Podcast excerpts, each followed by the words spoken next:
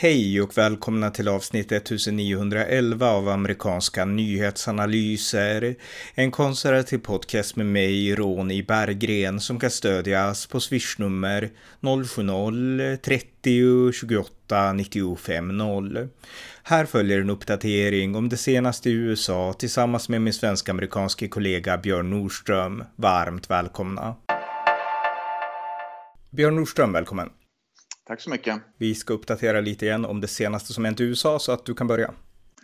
Ja, du skickade en länk och det var ganska, ganska intressant uh, för det, det, visar hur New York, precis som Los Angeles, framförallt San Francisco och Portland, Oregon förfaller en massa uteliggare i New York som låg på gatan.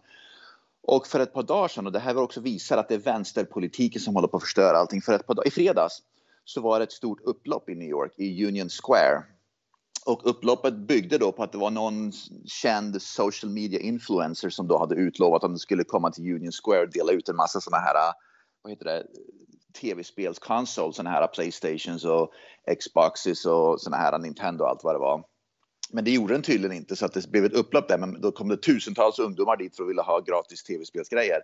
Och då startade de ett upplopp istället. Grejen är den att Eric Adams som är borgmästare, det här visar hur vänsterpolitiken och vänsterliberalismen då helt håller på att förstöra städer.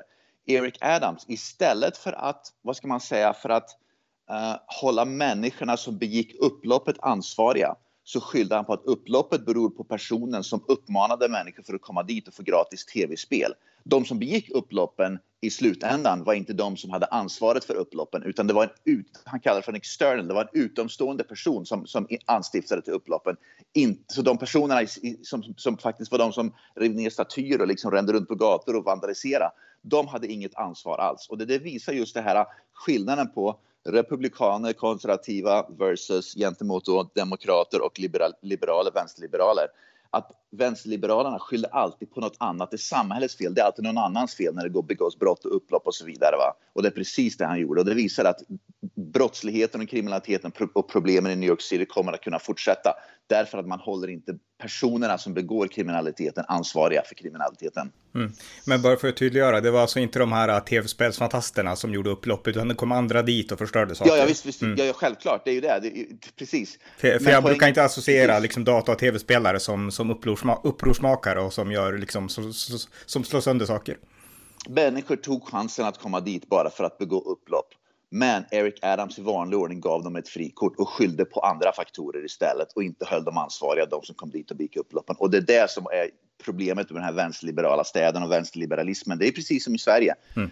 Det är liksom det som sker i Järvafälten, va? bara för några dagar sedan, de här eritreanerna som gjorde klankrig, bokstavligt klankrig i Järvafälten utanför Stock i Stockholm. Det var ju samma sak, man läser ju nu citattecken experterna som säger att det här har inget med invandring att göra, det här är liksom ingenting med det, utan det här, man skyller på allt och andra. Mm utom på personerna som faktiskt begick eh, kriminaliteten och skapa problemen. Mm, och jag läser nu om det här i New York Post och då är det en bild på en ung svart man som står och hoppar på taket på en bil. Det är flera Precis. personer som gör det. Precis. Och det Precis. står också att polisen efterlyser, alltså polisen är rätt tydlig med att det var ett antal personer som verkligen gjorde ja. det här, individer och de, de söker hjälp för att hitta de här personerna då, ja. som är misstänkta för att ha startat ja, det hela. Eric mm. Adams, borgmästaren, han hjälper inte polisen överhuvudtaget, tvärtom. Han, han han skyller på andra, andra helt enkelt. Och det är det som är så problematiskt med det här, att, att man skyller bara på andra. Mm. Ja, något mer? Ja, på tal om den här filmen Sound of Freedom som fortfarande går fantastiskt bra i USA. Den, den spelar ju fortfarande in hur mycket pengar som helst och folk går och tittar på den. För att visa bara hur verkligt, det, det liksom verkliga problemet i delstaten Texas igår så gjorde polisen en sån här sting operation. Jag vet, jag vet inte vad det heter på svenska. Um, mot child traffickers, mot barnhandlare. En av personerna som de arresterade i en sån här barnhandelsringsorganisation som höll på med sex, med, med sex barnhandel då, i Texas är en, polis, en polisman från delstaten Arkansas. Mm. Och det visar att det här är verklighet. Det, är liksom det som de visar i den här filmen finns på riktigt. Till och med poliserna, poliser är, är eh, vad ska man säga, är inblandade i barnsexhandel i USA. Mm. Och det här är verkliga saker. Och, det är det så, och vänsterliberaler har fortfarande inte, inte vänsterliberal media har, har skrivit speciellt mycket eller någonting om det här. Och jag såg att det var en, en, en sån här op-ed, en opinionsartikel var det i New York Post för några dagar sedan. Jag tror jag skickar den länken till dig. Nej, och vi, för du och jag pratade just precis om det här eh, i förra podden tror jag det var att vänsterliberal media lägger locket på. Var det precis det som den här eh, artikeln då i, i New York Post skrev om? Vänsterliberal media ignorerar helt den här filmen och det här ämnet. Mm. Eh, en annan sak som har med sport att göra, det är så här att eh, du ska få berätta allt om det här, men det har varit, det är fotbolls-VM för damer om jag ja. förstått saker rätt. Och eh, Sverige har gjort succé och USA har åkt ut. Kan du berätta lite om, om det och om alla de här politiska grejerna som det har inneburit i USA främst? I, ja, det var, jag tror det var åttondelsfinalen. USA och Sverige spelade. Eh, Sverige vann mot straffar. Det var, blev 0-0 efter full tid och sen 0-0 efter förlängning och sen blev, vann Sverige på straffar tror jag med 5-4 eller vad det nu var. Och många, väldigt, väldigt, väldigt, väldigt många i USA, vilket man kan se när man går in på de här Fox News och CNN och på artiklar som skriver om det här så kan man gå in och titta på att jag tror att majoriteten av personerna hejade på Sverige här i USA, inte på USA. Därför att det finns en spelare, vi har pratat om den här spelaren förut, hon heter Megan Rapinoe, Megan Rapinoe, Megan Rapinoe. Det är hon som har blått, kort blått hår hon är, hon är extremt liksom, toxic. Hon, är, hon, håller på, hon har liksom förgiftat det amerikanska liksom, omklädningsrummet. Och hon är, för hon är en aktivist, hon hatar USA. Hon, hon är en riktig mobbare, så att hon mobbar spelare som inte spelar. Om, hon kräver att andra, alla spelare ska vägra sjunga nationalsången. Det var hon som drog igång knäböjningen i USA för amerikanska damlandslaget i fotboll. Så hon spenderar väldigt mycket tid att mobba och vad ska man säga, intimidera och trakassera då spelare i laget för att de ska då protestera mot USA. I alla fall, Sverige vann mot USA. Det blev stor glädje här i USA bland amerikanska medborgare som aldrig har satt sin fot i Sverige för att Sverige vann. Därför att man är så trött på att hon har förstört det amerikanska damlandslaget och, och håller på med aktivismen. Och hon skändar amerikanska flaggan genom att bokstavligen liksom princip spotta på den. Va? Så att um, man märker att många i USA har nu fått liksom tröttna på hennes aktivism med. Va?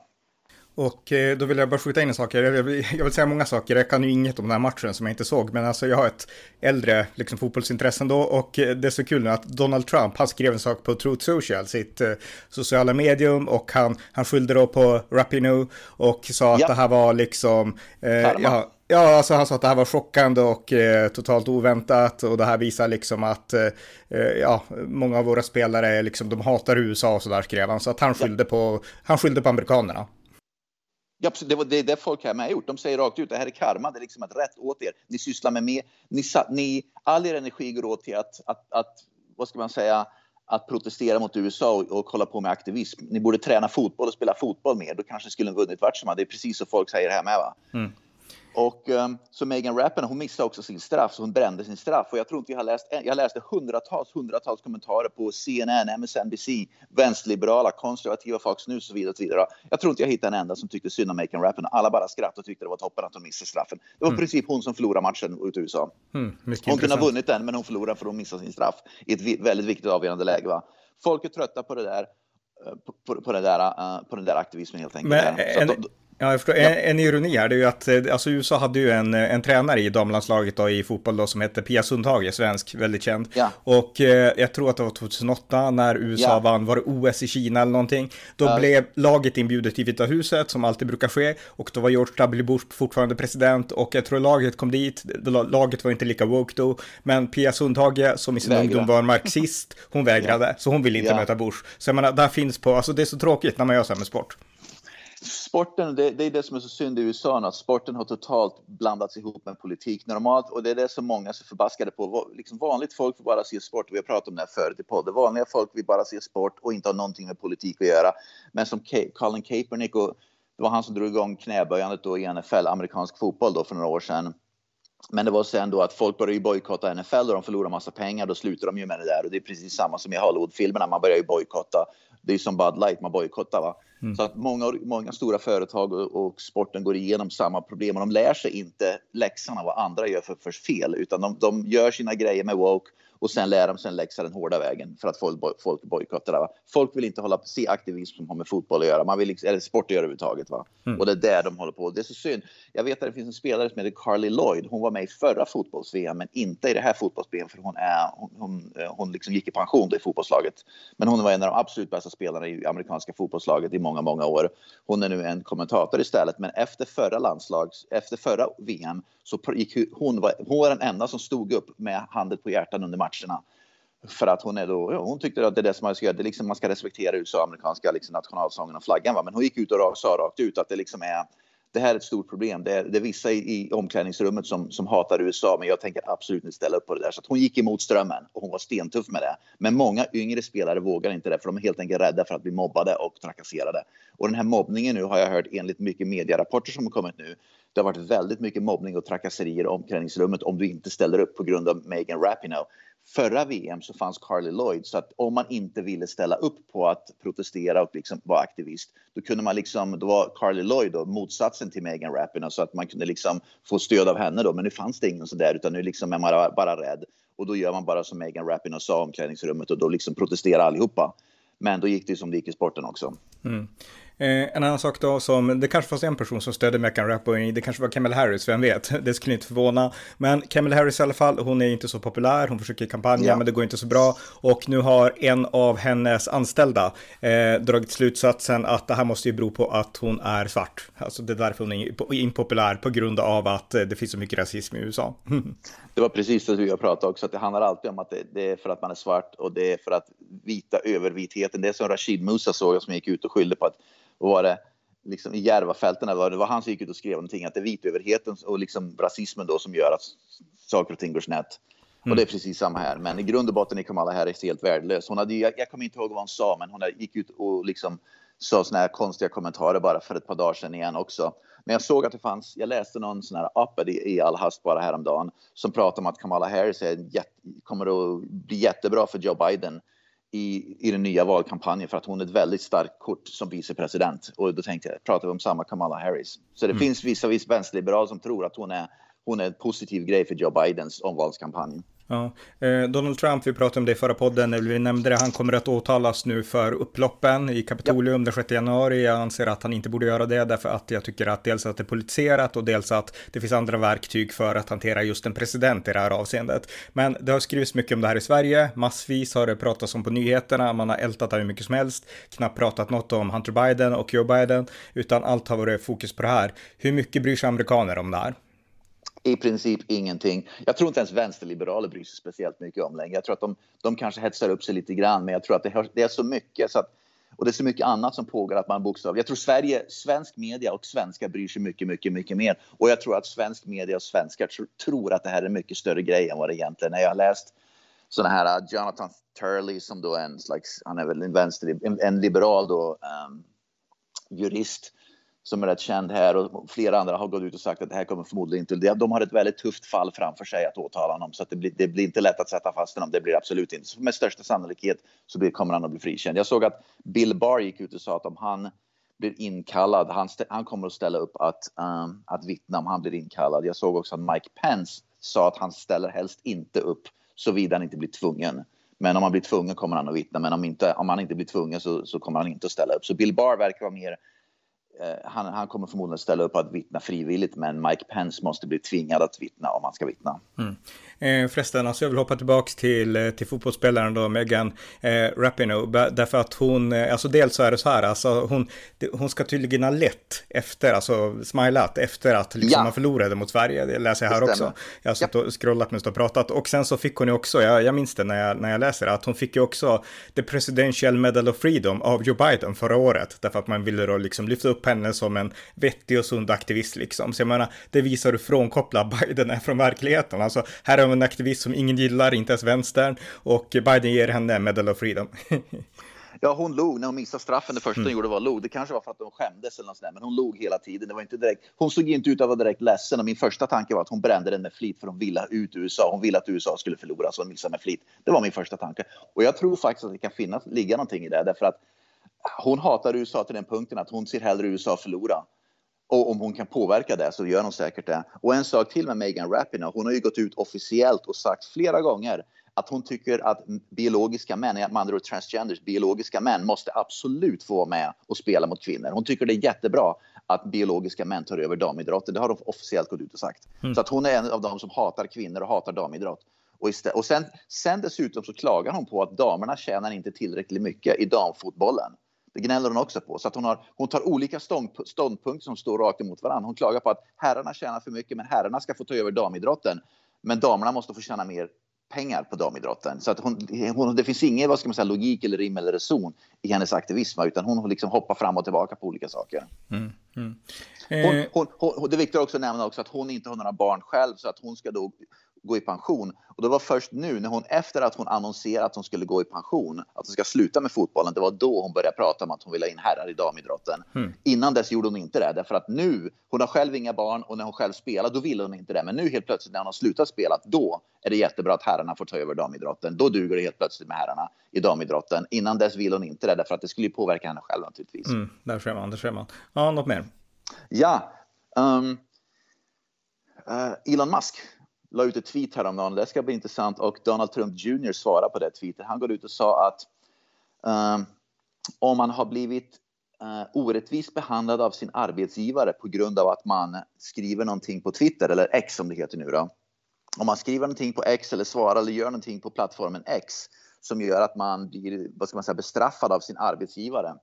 Då ska man skicka in information till Twitter eller X då, eller Elon Musk då. Eh, vart man skickar exakt det vet jag inte. Man ska i alla fall skicka in den informationen. Då kommer Elon Musk att, att bekosta stämningen mot arbetsgivaren, betala alla rättegångskostnader mot arbetsgivaren plus att de kommer att köra vad ska man säga, en kampanj mot arbetsgivaren officiellt på X genom då Elon Musks konto, antar jag då. Mm. Och Eric Trump svarade väldigt snabbt. Han svarade inom några timmar och skrev att jag har en stor grej till er och sen skickade han in information om Donald Trump. Med andra ord, jag har en stor grej till er. Farsan, farsan är inblandad i en stor grej nu. Det, hur, vart skickar jag räkningen? ja, eh, jag måste fundera på om jag tycker att det är bra eller inte, för det kommer ju skapa en häxjakt åt alla håll liksom och liksom ja. ge en auktoritet till en liksom helt icke, alltså en helt egen aktör att lägga sig i liksom saker. Men intressant och det är alltså typiskt Elon Musk att göra så här ändå.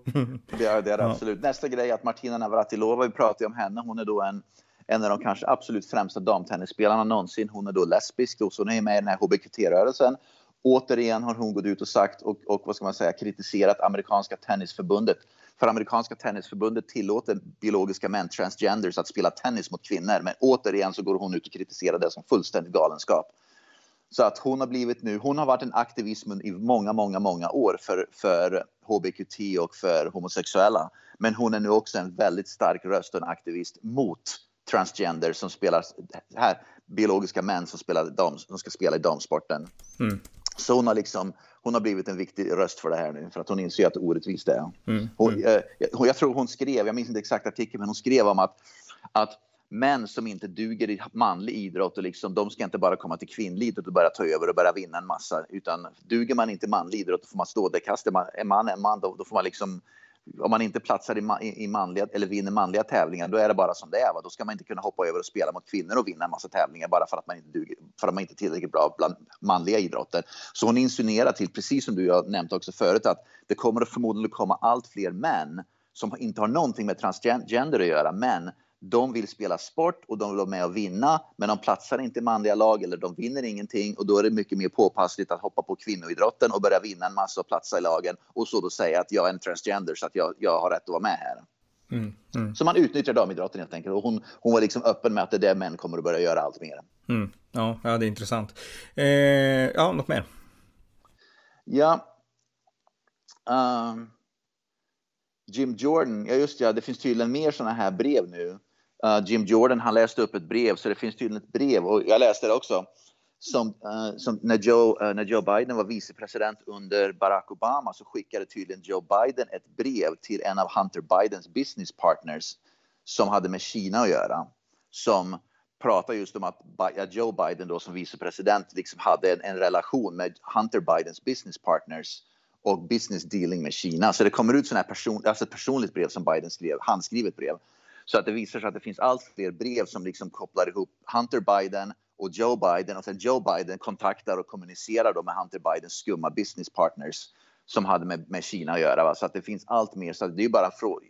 Och Jim Jordan, han, han, håller på att presentera dem i sitt, eh, ja, i sitt utskott. I... Ja, precis. Mm. Han, han, tar upp allt sånt där utskottet. Så för mig är det bara en tidsfråga nu innan man vill, man vill göra en impeachment av Joe Biden helt enkelt för korruption och för jag vet inte, alla möjliga olika saker för att han är inblandad i helt enkelt saker och ting som är väldigt opassande för, en, för när han var då vicepresident.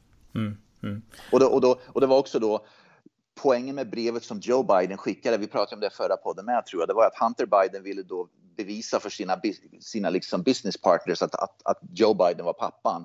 Så Joe Biden då som var pappan skickade då brevet till business partner för att då bekräfta att ja, jag är Joe Biden, jag är vicepresident och jag är pappan till Hunter Biden. Det är alltså liksom att för att han var med och då för att etablera att ja, den här relationen finns och jag är på riktigt. Mm. Ja, eh, något mer? Ja. Uh, Anheuser-Busch, eh, det finns en, en av de här ättlingarna då till grundarna för Anheuser-Busch, han heter Billy Bush. Så det, jag vet inte när Anheuser-Busch grundades, men det var väl säkert, det är lätt att kolla upp. Men i alla fall en av ättlingarna som heter Billy Bush, han är i alla fall liksom blodsband raka ledet ner från, då, från de som grundade Anheuser-Busch som då är då uh, moderföretaget till, uh, till Bud Light. Han sa rakt ut att mina, mina förfäder, de som grundade Anheuser-Busch och Bud Light, de vänder sig i graven över det som har skett nu via den här eh, Dylan, uh, Mac, uh, Dylan Mulvaney och hur, hur woke Anheuser-Busch och, um, och Bud Light har blivit.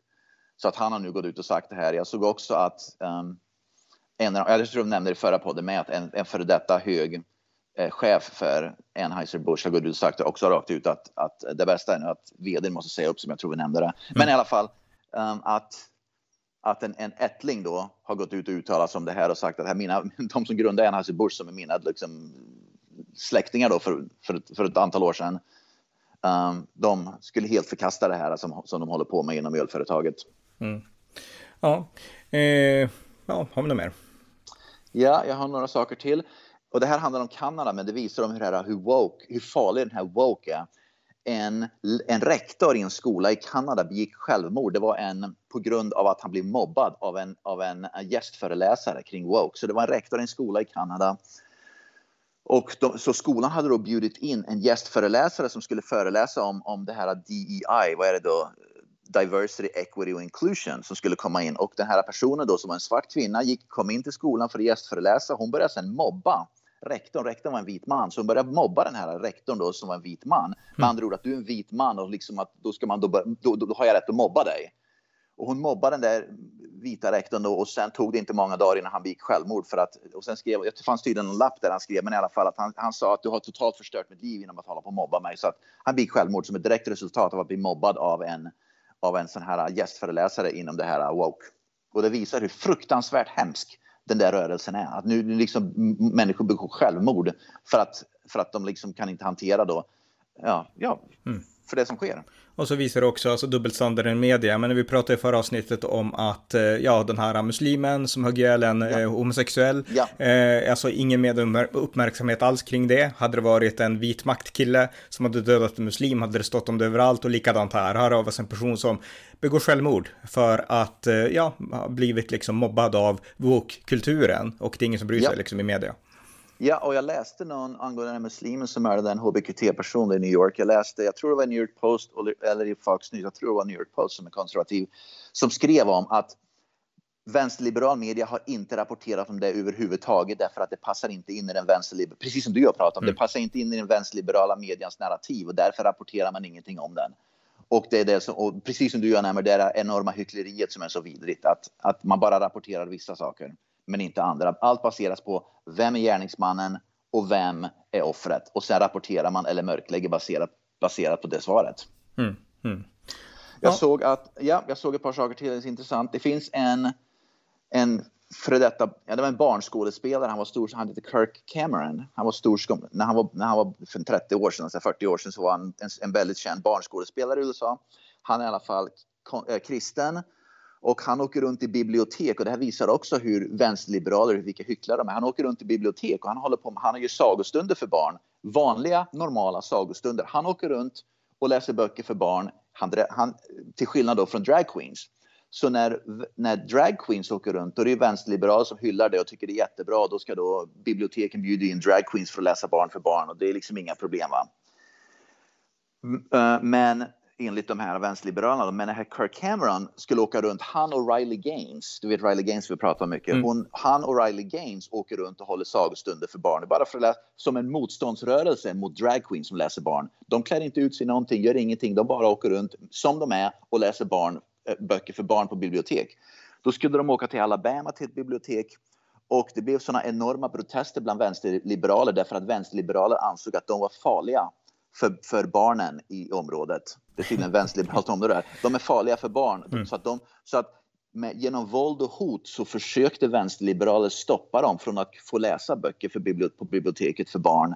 Men polisen beslutade sig för att de skulle absolut få, få läsa och de fick extra skydd. Så polisen kom då med massa extra poliser då för att skydda dem från att kunna läsa.